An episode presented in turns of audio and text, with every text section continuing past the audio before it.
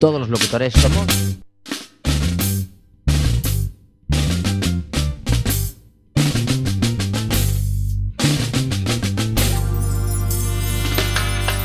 Benvidos a Tase Ben na radio.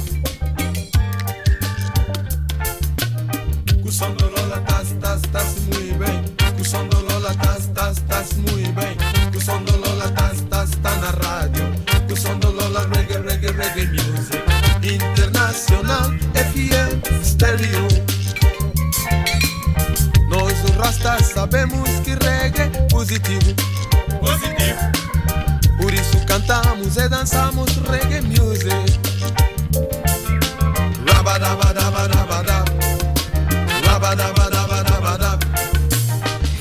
Moi boas e benvidos e benvidas ao séptimo programa da primeira temporada de Tase Ben na Radio. Estamos en directo, son as oito... un minuto agora xusto. Eh, Escoitas Coac FM, a radio comunitaria da Coruña na 103.4 ou tamén xa sabes que se non tes unha radio de toda a vida perto podes sintonizarnos a través da internet en coacfm.org barra directo e tamén nas nosas apps e en iVox, e onde por certo podes escoitar a emisora 24 horas o día ao vivo.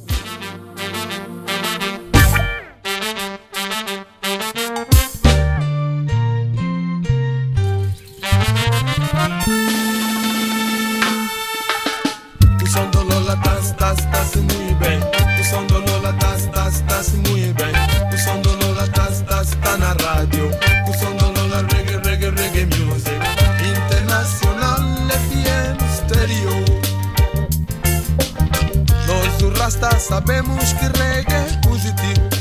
Positivo. Por isso cantamos e dançamos reggae music. Reggae na galeria, reggae no parabulário, reggae na escola, reggae na casa, reggae na cidade, reggae Estás a escoitar Tase Ben na radio.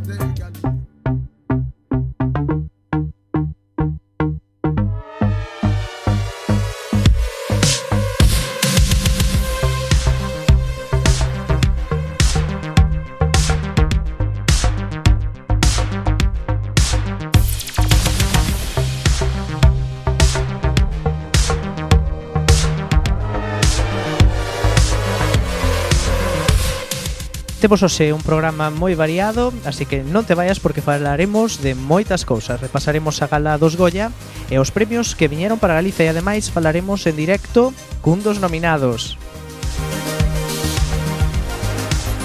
Ose foi unha tarde de novidades eurovisivas, porque se produciu o Allocation Draw ou o, o eh, en Rotterdam do que che daremos detalles e ademais falaremos coa xente de SC Portugal para analizar as músicas do Festival da Canção.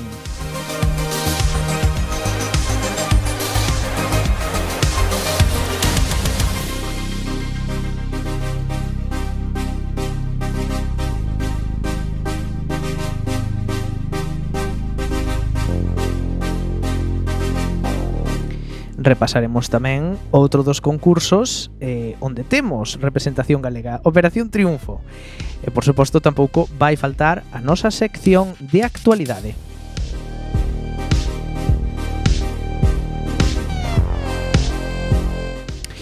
Así que xa sabes, síguenos nas nosas redes sociais, estamos en Twitter, Facebook e Instagram eh, comenta usando o hashtag TBNR e se queres podes participar en directo enviando un WhatsApp ou Telegram ao número 644 737303. Comezamos. Música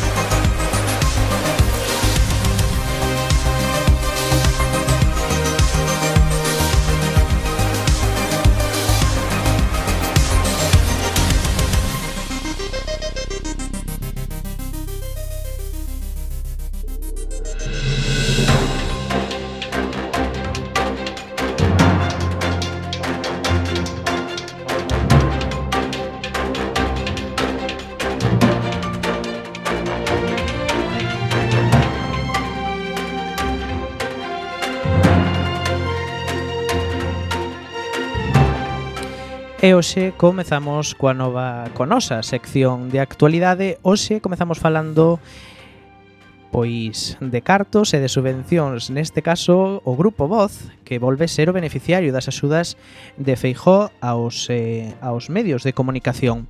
A Secretaría Xeral de Medios publicou este pasado Nadal as partidas que destina a subvencionar de xeito directo os medios. O Grupo Voz, o medio que máis defende a política de Feijó, recibe máis da metade das axudas A Xunta de Galiza pois segue sendo unha das principais vías de financiamento dos grandes grupos mediáticos de Galiza. Así, ano tras ano, o goberno de Feixó inxecta millóns de euros en convenios publicitarios que suscriben as distintas consellerías e tamén a Secretaría Xeral de Medios.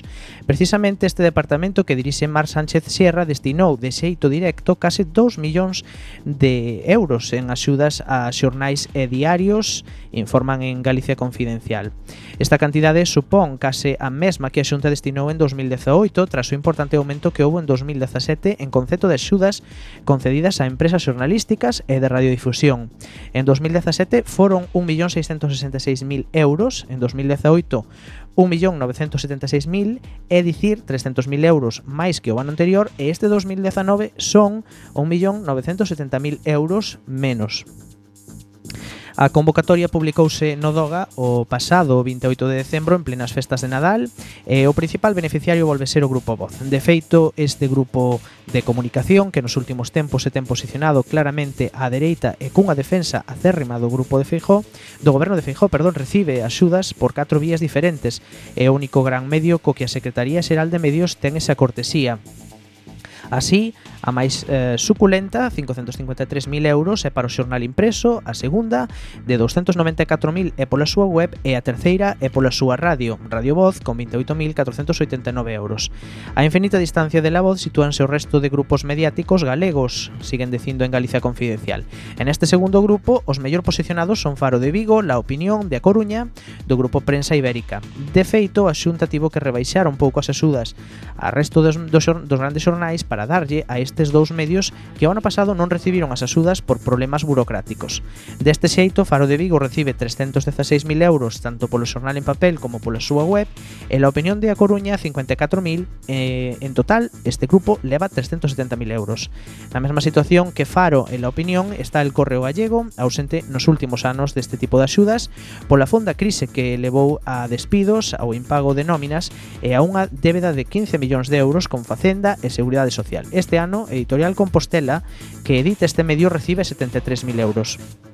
Despois está el Progreso, que recibe 125.000 polo diario en papel e 24.000 pola web. A este diñeiro hai que sumar o recibido por Diario de Pontevedra, tanto na súa versión escrita como web, que suman 79.000 euros. Deste xeito grupo El Progreso recibe case 225.000 euros.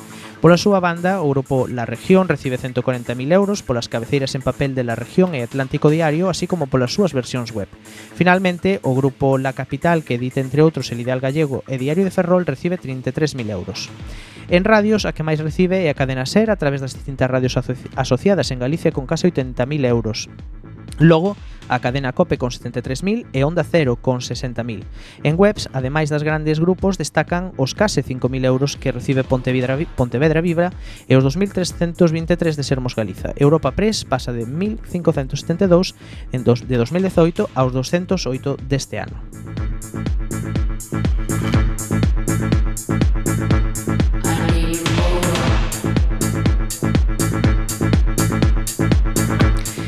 88º Benres Negro das Traballadoras da CRTVG. As traballadoras e traballadoras da CRTVG en loita ponos medios de comunicación públicos dignos viven o seu Benres Negro número 88. Esta semana as reivindicacións das eh, traballadoras agrupadas no colectivo Defenda Galega centrase na integración de todas as audiencias, as do rural, as das cidades, as do interior, as da costa e que se acorden tamén da Galicia exterior. Neste sentido, sentencian na pública cabemos todas.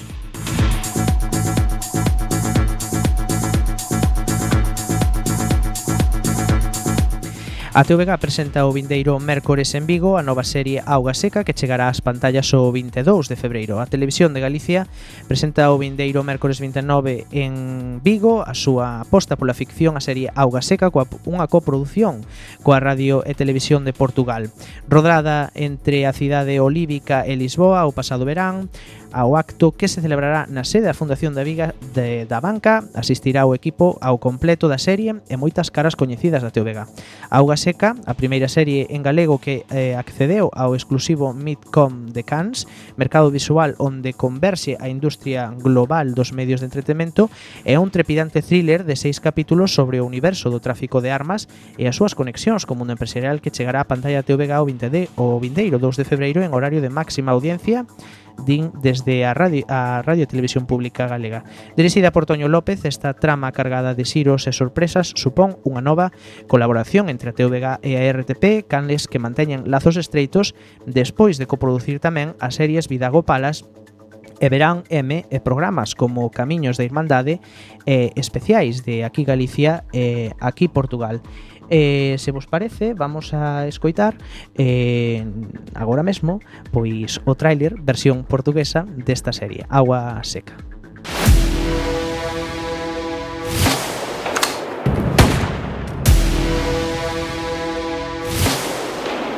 Inspectora Ferreiro, Gabriela. Não havia ninguém nos arredores. Um aparente suicídio que não convence ninguém. Uma rede de tráfego de armas. Pode haver mais armas em circulação. Se há uma, pode haver mais. Creo que se pode respirar dentro. Nada é o que parece. Tato, não se movan. Alga Seca. Uma coprodução da RTP com a televisão Galiza. Estreia dia 17 de janeiro, à noite, na RTP1.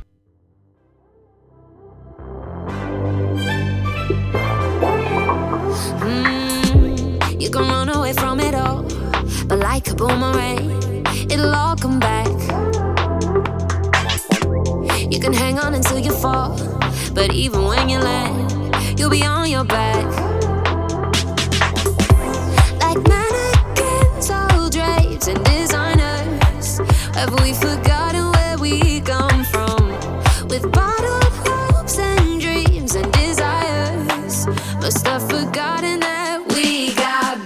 to pay, we got rules to break, we got risks to take, we got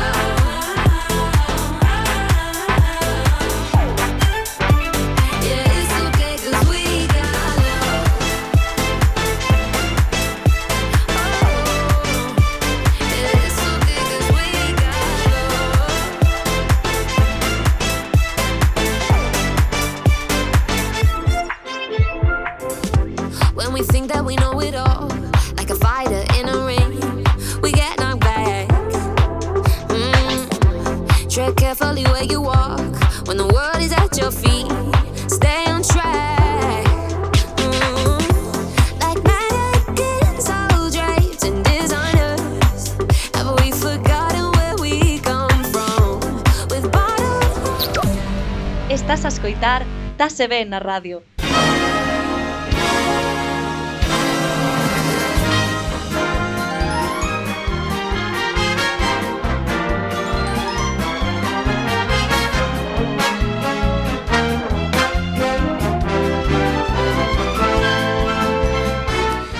E comezamos a falar xa dos Goya porque o sábado pasado celebrouse en Málaga a 34ª edición dos Premios Goya na que Galiza estaba representada nada máis e nada menos que con 10 nominacións.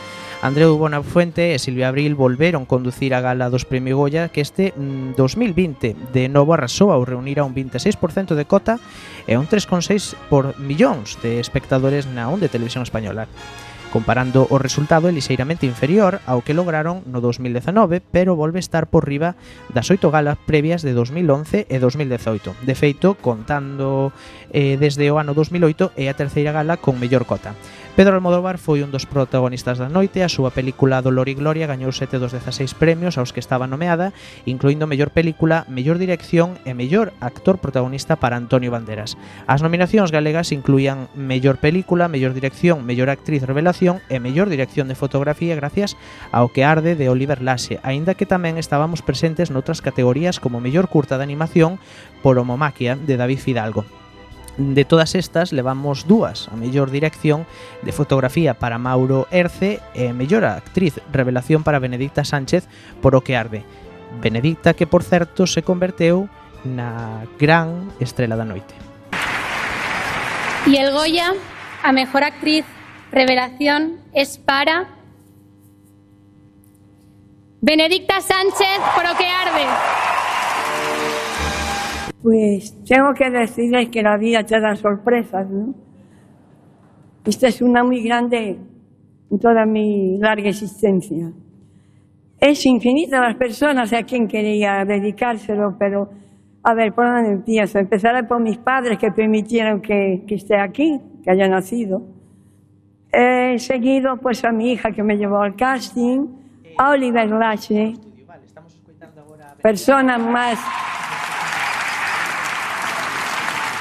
Oliver Lache y su equipo que me trataron como, yo qué sé, yo creo, no creo que haya princesa que, que hayan dado un tratamiento, un trato tan, tan maravilloso como ellos. Gracias por, por concedérmelo, porque por ellos, por mi tierra chica, Galicia, mi, Galicia Meiga.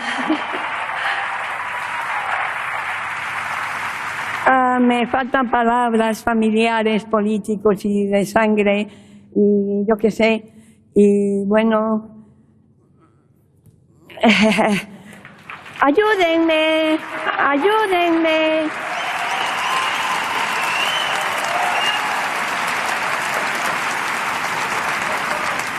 Díganme cosas para que yo pueda decirlas, pues, porque si no me quedo, me quedo mudecida. No, no, no sé. Estoy completamente. Ah, en galego, naturalmente, Galicia, perdóname. Eu son galega y quiero también el Goya para Galicia. A miña terra meiga.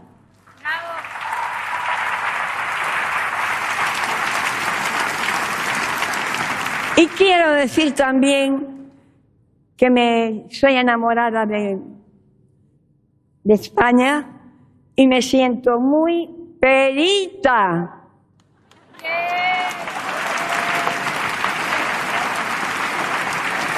Y bueno, pues podría decir infinidad de cosas, pero no sé. Me, me quedo. ¿Es lo suficiente? Sí. No es menester. ¿Me puedo ir ya? Sí. Gracias, gracias, gracias, gracias.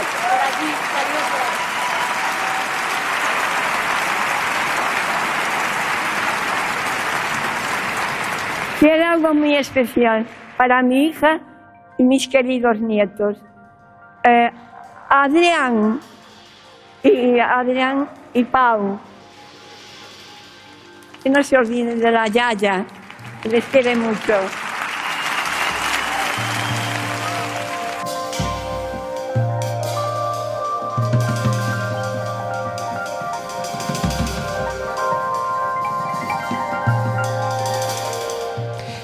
Outro dos galegos nominados era o lugués David Fidalgo, que David eh, está hoxe con nós para falar da súa curta homomaquia en Xeral dos Goyas Boas, David, que tal? Hola, que tal? Bueno, antes de nada, parabéns por esa nominación. Como, como se sinte a poder decir, mira, pois son dos nominados aos Goya? Gracias. Bueno, pues se, se siente bien, se siente bien. Estaría mejor decir ganador, ¿no? Pero bueno. Exacto, sí, sí. Ahora te iba a decir.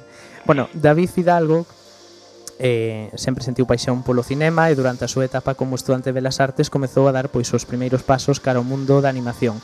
ademais de curtametraxes puramente narrativas como Cartas a Superman ou a nominada aos Goya o Momakia, David tamén realizou proxectos de animación de carácter máis experimental como pode ser a obra Sinceramente yo ya no razono e iniciouse no camiño do videoclip coa realización do videoclip Días e Días de Dela Fe. Isto todo é correcto, verdad, David? Todo correcto, sí, sí. Muy ben.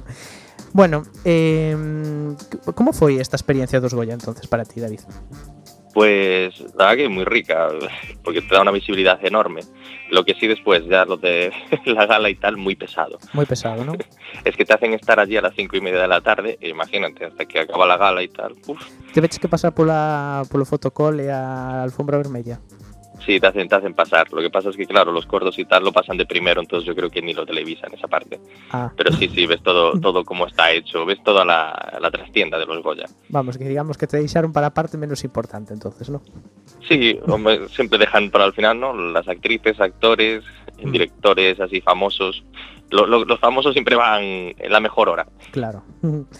Eh, bueno, eh, ademais ti de, desta nominación aos Goya tamén recibiches pois outras eh, eh, outros recoñecementos como pode ser, por exemplo, o mellor cortometraxe de animación no Festival de Cortas Armadiña eh, mm. o terceiro premio, por exemplo estou falando dos últimos, porque ten un sí, sí. currículum que animamos a xente que entre na súa web eh, do Certame de Artes Plásticas da Deputación de Ourense, por exemplo e tamén a mención de honra a mellor cortometraxe no Festival de Cannes non? Eh, por sí. suposto, esta nominación tamén os Goya por Homomaquia unha curta na que te inspiraches na tauromaquia, isto é así, non? Podo dicir, porque creo que non che gusta tampouco que se diga que algo eh, antitaurino, non? Ainda que te No, no, no, no, sí, o sea, sí que es antitaurino, sí es antitaurino. Lo que no me gusta que sea que es una propaganda Ah, como tal. O sea, es antitaurino simplemente que, o sea, yo cuento una historia, entonces hay una historia y un trasfondo, se hablan también de otros temas que no simplemente son antitaurinos, sino que hablan de homofobia, machismo. Mm. Entonces no, no es simplemente una propaganda que te dice esto es malo, esto es malo, sino que te cuenta una historia y es el espectador quien reflexiona eh, so- sobre eso, ¿no? Pero es, es antitaurino, claramente, sí, sí. Genial. Eh, eh, realizar este este curta levouche máis dun ano. Hai moita planificación detrás disto. Sí, o sea, bueno, es que yo, tra- yo trabajo un poco, creo que me viene de Bellas Artes eso. Sí. trabajo un poco distinto con el que la industria. Al ser yo solo también, pues voy planificando a medida que voy haciendo. O sea, sí que tenía un guion más o menos cerrado en cuanto al inicio y el final, lo tenía muy claro, y cosas que iban a pasar entre medias. Mm. Pero después, mientras voy haciendo, ya voy pensando o cambiando cosas. Es que como el, el hacerlo es un proceso tan lento que al final, pues es que te da tiempo a pensar en muchas cosas. No es como hacer un cortometraje en imagen real que tienes que tener el guion y tal y ya, no sé, un fin de semana, una semana lo ruedas y, y es eso que queda rodado. Cuando tardas igual un mes en hacer un par de planos, en hacer 20 segundos, pues vas pensando el siguiente y, y le das muchas más vueltas. Entonces a veces que esté tan cerrado es más difícil Mm. y sobre todo al trabajar solo. O sea, hai unhas semanas estiveches aquí en Coaque precisamente isto que comentabas, non? Que non tes ningunha, digamos, un storyboard ou que vas un pouco sobre a marcha, non? Sí, en este, en este caso sí, voy un poco sobre la marcha, sí. Porque también me apetece, me parece más divertido a la hora de trabajar. Mm. No tener el proyecto cerrado, sino que vaya evolucionando o cambiando a medida que, que lo voy haciendo. Yo entiendo que, que va mejorando, entonces pues, pues por eso trabajo así. Eh, bueno, aquí en Galicia eh, a tauromaquia digamos que non é algo moi seguido, por non decir case que non é seguido. Eh, incluso diría que a xente que lle parece mal ou que ve difícil, que ve mm, con malos ollos pois eh, isto que chaman arte, non? Eh, e ti xusto estudaches nunha cidade que ten a única praza de touros agora mesmo en Galicia. Como te influiu isto? Sí, pues, es que foi el germen aí en Pontevedra, que yo estudié Bellas Artes e está a la plaza de toros a dos, a dos minutos, básicamente, andando. Y claro, vivir todo durante todo el año el mundo pues de Bellas Artes, de carrera universitaria, es más liberal, por así decir, ¿no? Y de repente llegaba el verano y empezaban las fiestas taurinas y cómo se llenaba eso de gente, y digamos, hostia, ¿esto qué, qué, pasa? Y a partir de ahí empecé pues a pensar en la idea de hacer algún día pues, algo antitaurino y hasta que encontré la historia que pues pues ya dije "Mira, me, pongo a ello a tope y venga. Eh, eh, bueno, é que realmente en Pontevedra eh, tampouco non ten moito éxito o que os eventos estes taurinos, non? Quero decir, No. eh, no tengo tan claro como se- si se llena a tope o no Mm. pero las colas que se forman son bastante bastante grandes ¿eh? Mm.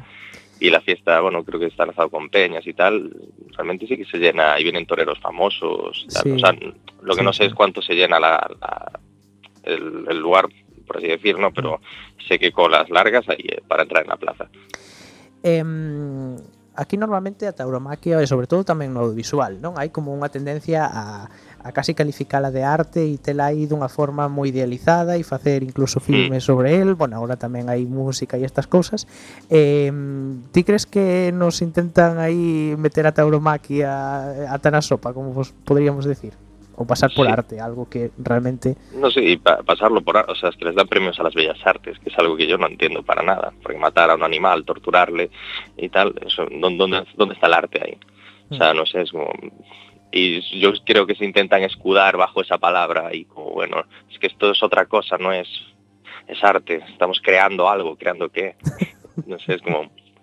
Y también es un, como un tema un poco tabú, ¿no? Criticarlo, o sea, los políticos Sí. tampoco se mojan en eso, o cuando pueden hacerlo no hacen nada tampoco Mm. sí que, sí que parece que va disminuyendo. Pero ahora como, ostras. Y también Sí. me apetecía un poco ganar por eso, por estar en Málaga y decir algo antitaurino ahí, Sí. ¿sabes? que te iba a decir, non te sentiches incómodo ou sí? incómodo por estar en Málaga, no. No, non por estar en Málaga. Pero sí estar... que veía a, a bares eh, de, con cabezas de toro, no sé qué, la plaza sí, de toros. Temáticas. Era un, po, era un pouco raro. Sí. eh, nos Goya estes Goyas foron, bueno, bastante non bastante polémicos, pero si sí houve unha polémica que sobresaltou sobre as demais, que sobresaiu sobre as demais, que é o tema das subvencións do audiovisual.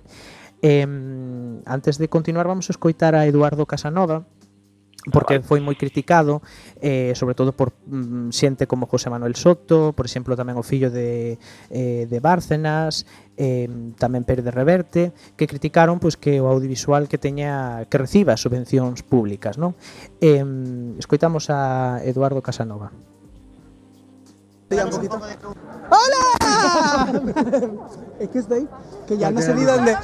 Viene el presidente del gobierno, ¿tú qué le pedirías al presidente del gobierno? Al presidente del gobierno le pediría más dinero para hacer nuestras películas. Nuestras películas necesitan dinero.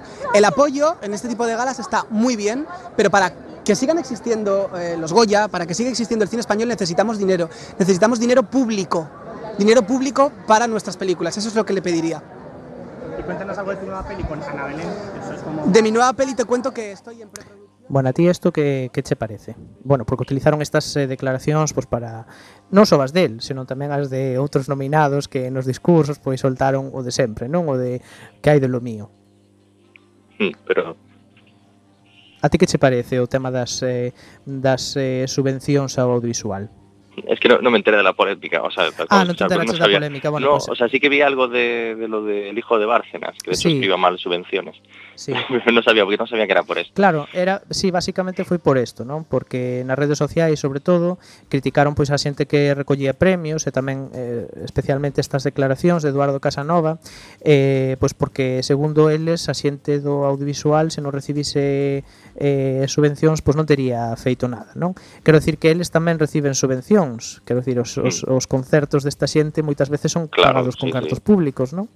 Sí, totalmente. Mm, No sé, es un poco, mm, no sé, es el típico discurso, ¿no? Que, que utilizan de, está subvencionado como para descalificar, pero subvencionado está muchas cosas y el cine da muchísimo trabajo a muchísima gente. hmm. Y si hablamos después de países como Francia y tal, es que las subvenciones españolas al lado de países europeos son nada.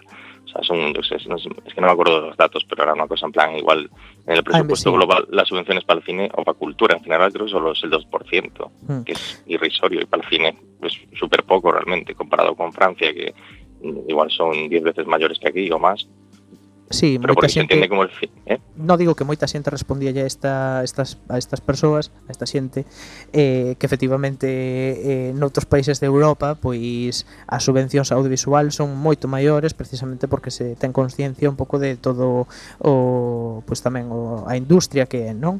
Eh, mm E sobre todo tamén é curioso pois que xente como Pérez Reverte se queixe desto cando se fixeron películas e que ten tela que esta xente se poña a criticar estas cousas cando eh, obras de Pérez Reverte se levaron ao cine e pois ele indirectamente tamén disfrutou estas eh, estas subvencións, claro. non? O sea, que é unha cousa eh, eh, en fin. Hipocresía máxima, é así. Pois sí, Ti, bueno, na entrevista de, do outro día aquí en Cuac, decías que tamén recibiches algún tipo de axuda, non? No teu caso, crees que sería posible ter feito esta curta se non tiveses eh, tido esta axuda?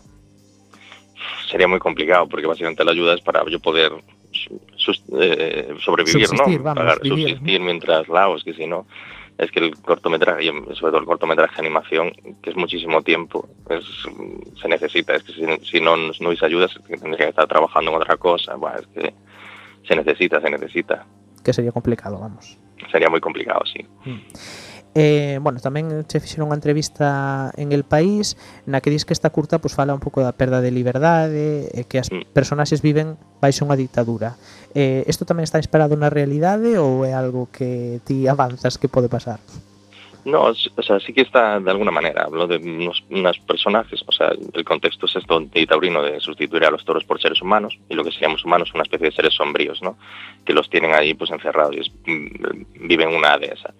Y son unos personajes que piensan que están libres, pero que realmente descubren que no lo están. Y eh, hay, hay un muro y tal. Es también un poco referencia a cómo vivimos en la sociedad actual. Hablo un- me me acuerdo que en Coruña lo puse y, y uno me decía, es como los campos de concentración, me recordaba mucho a eso. Y yo, "Hombre, es que de alguna manera Mm. es eso, y los seres humanos seguimos tratando a los seres a otros seres humanos así. Claro. Esto está todo los todo el tema de los inmigrantes y tal, es como siempre se les pone barreras, ¿no? Y es hablar un poco de eso. O sea, quiero decir que es algo que está que es, que es muy actual, no es algo que que diga que pueda pasar en el futuro tal, es que está pasando estas cosas. Eh, bueno, pois contanos eh, si este si esta curta vai ir a algún festival onde a podemos ver porque recentemente creo que se proxectou aquí en Coruña, ¿no? Sí, se proyectó en el Teatro Colón y en Lugo en los Cinema Codex. Y bueno, ahora mismo la verdad que no sé decirte, sé que va a estar en algún festival, pero ahora mismo no sé decirte. Por aquí, por Galicia, eh, estaría, aún no está confirmado. Está Eh, confirmado. Estamos ahí pendientes, pero a ver si en Santiago y en Pontevedra se puede, se puede ver. E ti crees que os Goya ou calquera outro premio axuda ou inda que sexa unha nominación axuda a que pois a túa curta se sea proxectada en máis sitios? Yo creo que sí, yo creo que también muchos festivales les interesa tener es como un poco publicidad, ¿no? Decir que, un, que tienen un cortometraje nominado. Entonces eso yo creo que ayuda a visibilizar, la gente también va mucho más. Yo creo, por ejemplo, el Teatro Colón o el Lugo, si el corto no hubiese estado nominado y no tuviese ese sellito, igual mucha gente decía, bueno, eh, ¿para qué? Entonces a veces la gente se deja llevar por eso, entonces pues eso es, es, es publicidad al fin y al cabo, básicamente. Claro. David, pois eh, pois moitas gracias por, por atendernos e creo que vas volver a Quack FM se non entendín mal, así que Sí, el sábado. Hoy non vi porque non porque non estaba, porque non sí. estaba por aí, que si no encantado que iba. Pois aquí te esperábamos encantado, pero bueno, últimamente non saes de Quack, así que moi ben. Xa, eh. bueno, David, pois moitas gracias por atendernos, un saúdo e de novo parabéns. Gracias a vosotros. Un saúdo, chao. Chao.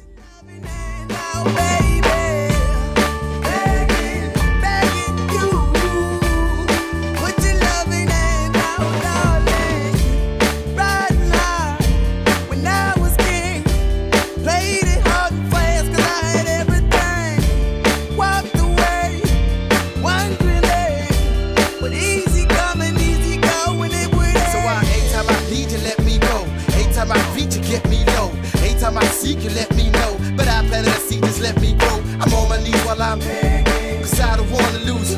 I got my arms all spread. I hope that my heart gets fed. Matter of fact, I'm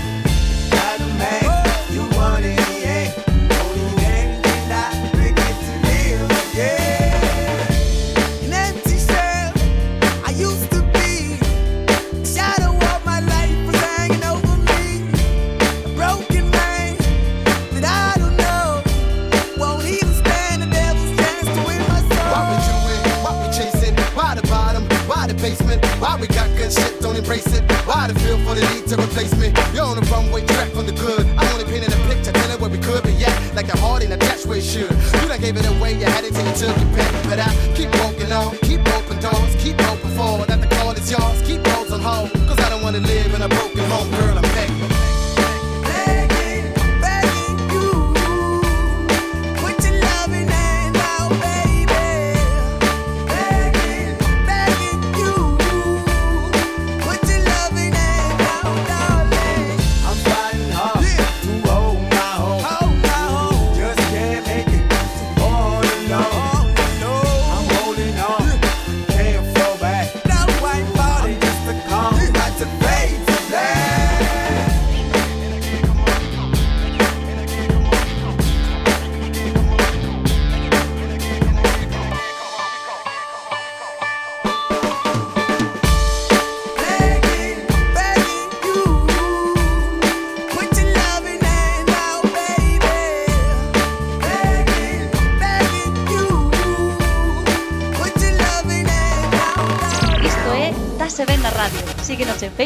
Twitter.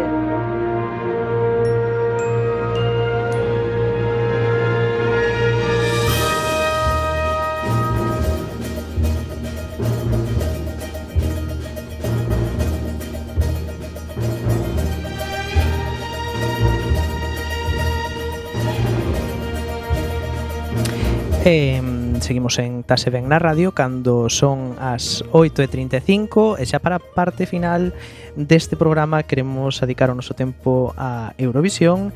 En este caso o Festival da Canción para iso temos a Nuno ao outro lado do teléfono. Boa tarde Nuno.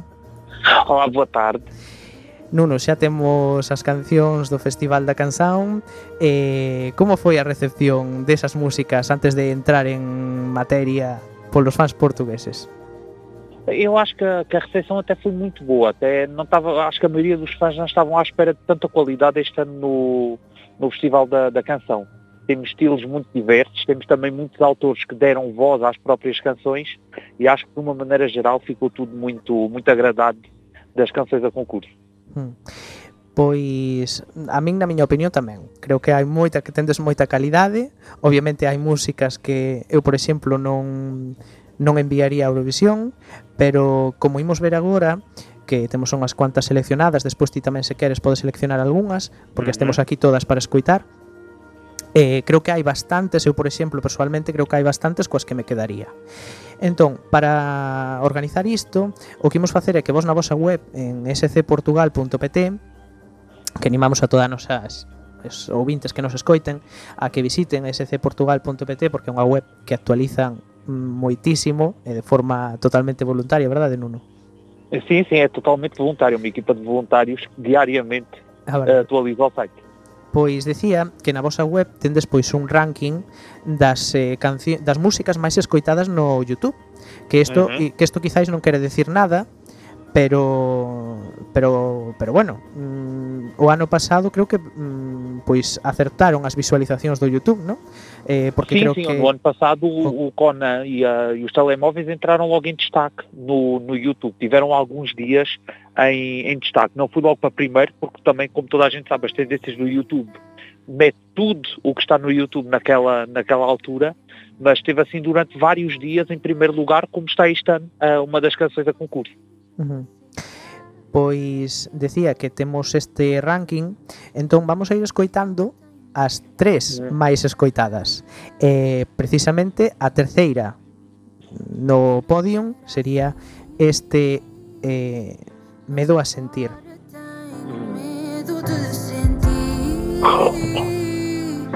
Pergunta ao tempo, ele sabe tudo sobre mim. Eu teño que decir, Nuno, que a min esta canción encántame. Esta Encántame, canção- pareceme maravillosa. Eh, Não, e a- essa canção está a ter muito, muito a mar pelos dois, nas recepções do, mesmo das visualizações e nos comentários que temos recebido. É uma canção que à primeira se calhar não entra no ouvido, mas depois, segunda, terceira audição, uma canção totalmente viciante. Sí. Mira, eu creo que isto cunha boa posta en escena, con boa staging, eh, simples, con unha iluminación aceitada, eu creo que isto pode ser mm, brutal.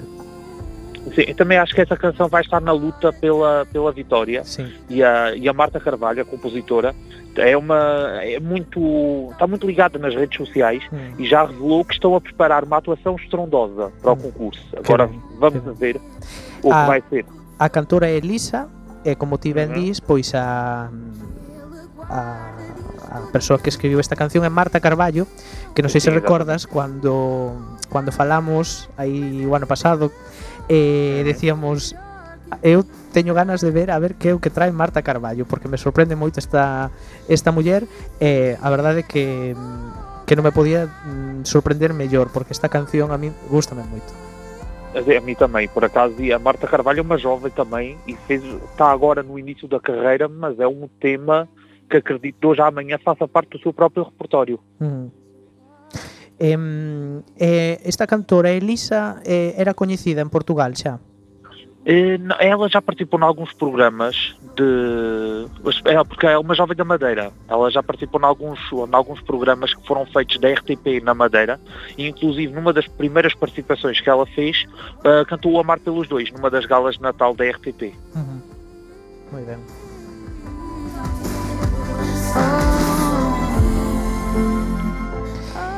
Pois eh, Medo de sentir eh, de Marta Carballo está na terceira posición das máis escoitadas en Youtube. E na segunda posición temos isto. It's where we draw the line. Show me all the love it takes. Slowly and my heart it breaks. I'll wait for my destiny. I'll see you.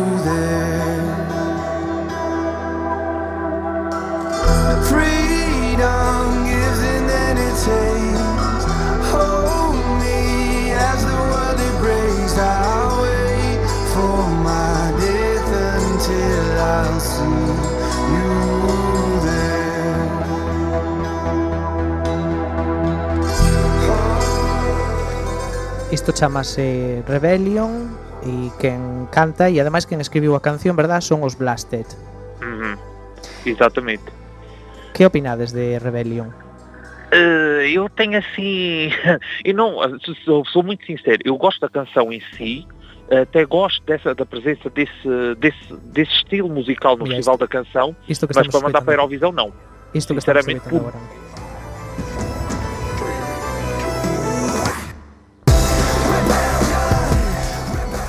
Bueno, a verdade é que é algo sorprendente Eu creo que moi poucas veces tiñamos escoitado no Festival da Canción eh, algo semellante a isto, non?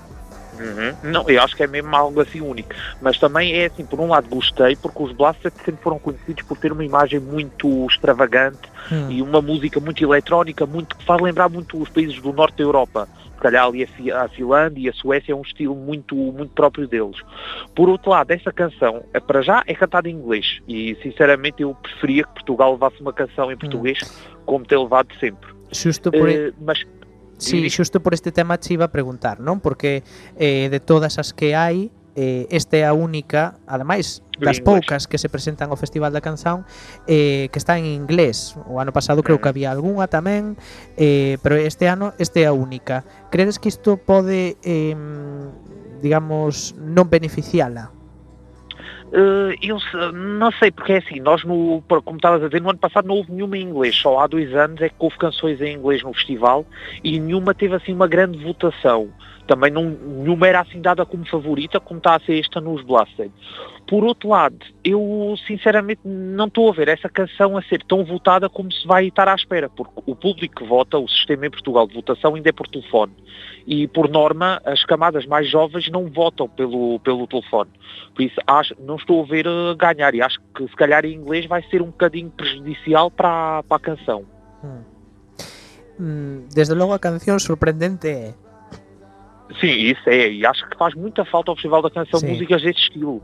Mas para ir à Eurovisão, por mim e a outra. Eu teño que confesar que cando a primeira vez que escoitei todas as cancións deste ano do Festival da Canção eh, mm, mm, foi a primeira que dixen esta, esta é eh, pero despois eh, escoitando máis tranquilamente todo despois de, Ah, pois. de, despois de varias escoitas Exatamente. mm, teño dúbidas teño dúbidas Não, e- eh, não, a mí acho que é assim. Mm. Di, di, di. No, di, di, personalmente a min non me molestaría que fose esta canción, pero entendo entendo que, bueno, pois polo tema do idioma e que pois o estilo tamén pode ser que haxa quen lle resulte pois demasiado eh, estrepitoso, non? Não, e depois é assim, isto vai ser, eu, eu falo por mim, pronto, nas 16 canções do Festival da Canção, acho que essa canção em Portugal vai destacar-se. O problema é levarmos essa canção lá fora, porque ainda por cima, no ano passado tivemos os islandeses, os Atari, que é um estilo muito parecido, Muito até nas parecido, roupas sim. são parecidos. Basicamente vai, a maioria das pessoas vão pensar aquilo como uma imitação. Ou e as coisas comparar, não costumam comparar resultar. As coisas não costumam resultar pelo menos dois anos seguidos. Por isso, eu pessoalmente não. Por mim, podem ficar em segundo lugar. Acho que é ótimo. Segundo lugar, ótimo. Bueno, pois deixamos aí Blasted en segundo lugar. Eh, chegamos agora sí, pois a canción número a canción que máis escoitas ten no YouTube das de das do Festival da Canción deste ano. Acabou entre nós, meu amor. Eu tentei dizer, fiz-te entender que estava perto do fim. Dá-me os meus EPs, LPs, dá-me tudo o que te emprestei. O livro de Vinícius de Moraes e o retrato de Dorian Gray. E se algum amigo quiser saber diz-lhe que a culpada não fui eu.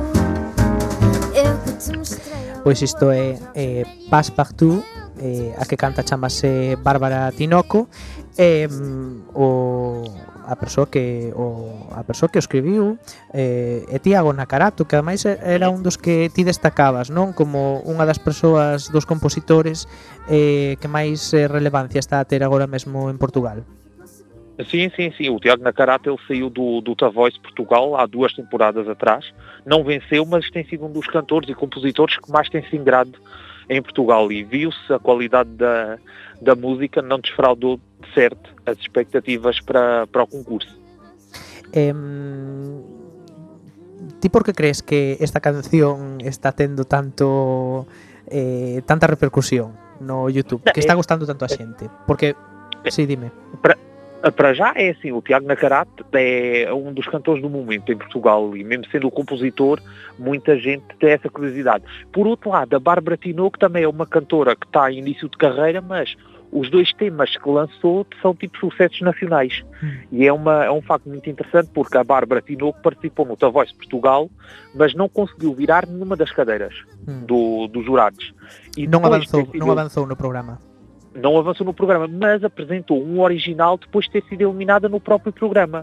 Uma versão acústica só à guitarra. E a canção hoje tem milhões de visualizações no, no YouTube. E lançou, através de uma eliminação, lançou a sua carreira no, no The Voice e daí se explica também o sucesso dessa canção no, no YouTube. Mm, ten unha voz moi bonita tamén, Bárbara. Mm, Unha voz ide- identificativa, quero non Sí. non creo que iso tamén pode axudar. Sim, ela tem uma, uma voz muito carismática, mesmo a, a própria presença dela também é muito carismática. É, é a típica menina fofinha, digamos assim. Sim. E acredito que uma atuação colorida e animada, acho que até, por mim, sinceramente, era a canção que vencia o, o Festival da, da Canção. Para ti ti mandabas esta xa directamente. Sim, ou esta ou a canção da Elisa. Da Mas Elisa. a canção da Elisa acho que pode vir a surpreender muito em palco. Por Eu- outro lado, acho que essa da Bárbara Tinoco pode vir a perder alguma força em palco. Mm, Eu espero, a ver, espero que sí. Eu vou estar eh, apoiando aí a Elisa a tope porque a min esta canción non me desagrada, pero tampouco mm, é unha canción que escoitaría mm, a diario. mm. sabes? Eh, e ademais, eh, este sabor así francés que ten, eh, crees que pode ter algún algunha facer algunha piscadela tamén a outras eh, eh audiencias europeas que relacionan sí, pois, que... quizáis uns ritmos máis franceses? Sim, sim, acho que consigo. E ah, por acaso um dos primeiros comentários que aparece no YouTube é muito interessante porque dizem que esta canção consegue ser mais francesa do que as canções francesas todas que a França tem levado à Eurovisão. Sim. Por isso acho que por um lado até pode resultar lá fora. E é uma canção muito diferente das outras. Enquanto que a da Elisa é uma ótima canção e adoro a, a canção, é uma canção que mesmo assim pode parecer a outras. Enquanto que essa vai muito diferente. Mas é pelo um diferente bom, digamos assim. Sí, a, a mí non me desagrada, eh? a mí tampouco non me importaría ver isto en Eurovisión, en Rotterdam, e ademais parece que vai moito na liña tamén de, de Salvador Sobral, non? Uh, sim, podemos dizer. É assim, até o Tiago Nacarate tem muitas parcerias com, com o Salvador Sobral. Eles, a nível de estilo e tudo, mesmo presença em palco, eles são muito parecidos. E isso também se nota mesmo na própria canção. Pois veremos a ver que tal que tal lle vai a Bárbara Tinoco e a Tiago Nacarato. Antes de deixar o tema das cancións do Festival da Canción, quero mostrarche unha que a min me gustou tamén especialmente e que tristemente non está entre as que parece que o público portugués ou o público de YouTube que máis lle gustou. É esta.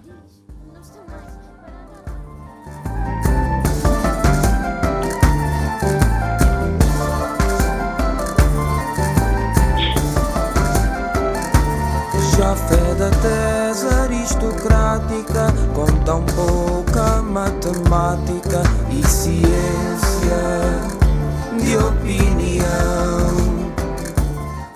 Pois esta canción chamase Gerevera Amarela do Sul eh, Felipe Sambado é a persoa que canta e que tamén escribiu mm, creo que escribiu Felipe Sambado me parece tamén, non teño aquí o eh, dato sí, agora sí, mesmo sí.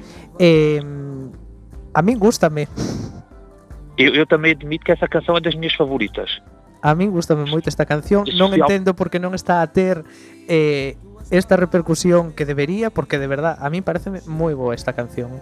Não, e depois tem esse estilo assim étnico por trás, também é assim das, minha, é das minhas favoritas deste ano.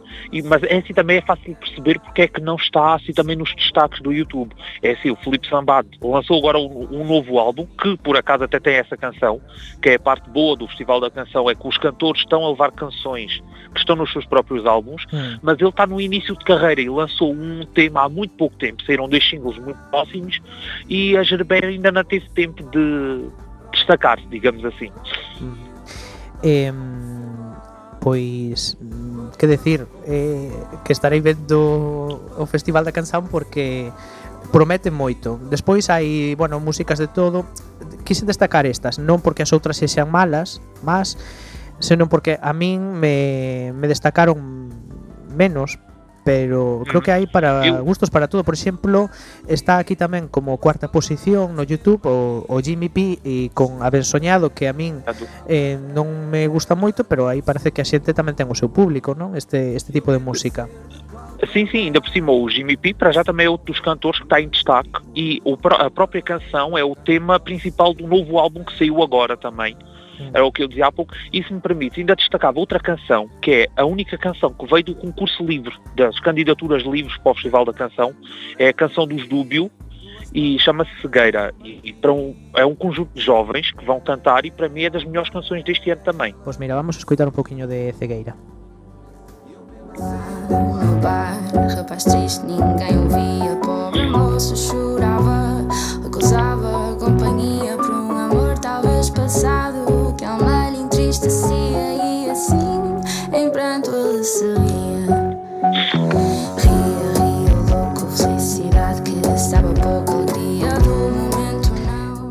Entón este é un grupo novo que até agora non se coñecía en Portugal, non? Não, não, eles são completa, eles são muito jovens Ah, até e, e foram, foram escolhidos pelas candidaturas enviadas para a RTP. A RTP recebeu cerca de 300 canções e escolheu esta para o Festival da Canção e acredito que talvez até possamos ter uma surpresa, que acho que é uma canção que pode resultar muito bem em palco, com uma boa atuação, pode resultar muito. Pois, bueno, pois aí aí o deixamos esa predicción. Cando é o festival, cando comeza o Festival da Canção? Eh, agora, salvo erro, é de 22 e 29 de fevereiro as duas semifinais e a final que vai ser em Elvas, perto da fronteira com Espanha até. Exacto, sí, que estuve mirando no mapa, por E a- certo. Assim, é, mesmo, é muito perto mesmo de, Sí. De, de Espanha, de Bada- da fronteira Bada- com Badajoz. Badaxoz, que, bueno, este ano o Festival da Canción da Canción viaxe a sul, porque antes eh, creo que as outras edicións estivo máis norte, non? Ah, não, no ano passado foi em Portimão, no ano Ah, passado foi Portimão, mesmo sim, no Algarve, perdão, foi ao fundo. Mas lá está, o Festival da Canção não ia ao Alentejo desde 1989, há mais de 30 anos que o Festival da Canção não, não ia. Uhum. E há- acho é uma ideia boa da RTP descentralizar Tra- o, o festival. Era Deslocar, deslocar de Lisboa. Sí, parece Exatamente. moi, a mí tamén gosto desa idea tamén. E Eh, xa- dime, dime. Não, estava a dizer que agora também a RTP está a apostar na gravação dos postcards, como, acontece, como aconteceu no Festival da Eurovisão, estão a levar os postcards a alguns locais que ficaram de fora da lista do Festival da Eurovisão. Por exemplo, o Tiago Nacarate e a Bárbara Tinoco tiveram recentemente em Marvão, no, no Castelo de Marvão, a gravar os postcards, enquanto que o Dino Santiago também já esteve em Elvas e os cantores vão assim nas redondezas, não só de Elva, mas também nos arredores, gravar os cartões postais para o, para o Festival da Canção. Moi ben, pois deixamos aí eso, estaremos atentos ao Festival da Canción, eh, seguramente falaremos máis con vos tamén, pero antes de terminar, que se nos está acabando o tempo, eh, hoxe justamente se celebrou pois, o sorteo da, das semifinais, non? de onde van cada país, Eh, e Portugal tocolle na segunda semifinal Bueno, os galegos poderemos votar por Portugal eh, Como crees que pode beneficiar isto a Portugal? Porque aí na vosa web tamén tendes un artigo Donde analizades eh, que países votaron eh, Así moi brevemente, que análise faz? Não, eu acho que é assim, não podia haver sorteio melhor para Portugal. Cruzamos os dedos. Já, não foi mesmo, porque houve uma altura que estavam, é eh, assim, Portugal, ah, para já só temos um vizinho, que é a Espanha. Logo é ótimo estarmos na semifinal em que vota a Espanha. E depois Portugal tem grandes comunidades de imigrantes em França, na Suíça, e esses dois países também vão votar na nossa semifinal. Uhum, exato. Falhou só a Alemanha. A Alemanha vai para outra semifinal, mas pronto, também não faz mal. E a Bélgica, porque de resto, e depois é assim, os grandes países que estão sempre na luta pela vitória, temos por exemplo o caso da Rússia, o caso da Suécia, o caso da Noruega, esses países ficam todos na primeira semifinal. Por isso Portugal tem ali, está quase como um candidato à passagem, assim, de fora. Agora faltam as canções, que é o mais importante, digamos. Exacto. Eh, faltan as canções e, bueno, esperemos que que gañe a adecuada, que gañe a correcta, non? Não, eu acho que este ano sinceramente nem estou muito preocupado por qualquer uma. Há, há- há anos que nós pensamos logo, aquela não, mas este ano assim das que estão agora em destaque para ganhar, qualquer uma delas acho que ficamos bem representados. Umas Uhum. melhores que outras, mas no ano do Salvador, o Salvador também não ganhou o televoto e depois ganhou no Festival da Eurovisão. por iso nunca podemos agradar a todos. Exacto. Pois Nuno, moitas grazas, moito obrigado por, por teres obrigado atendido hoxe e hoxe despedimos o programa co, con Nuno da SC Portugal. Nos volvemos pois dentro de dúas semanas. Obrigado Nuno e vémonos no, próximo próximo ano. Un saúdo. Un abrazo. Abrazo. abrazo.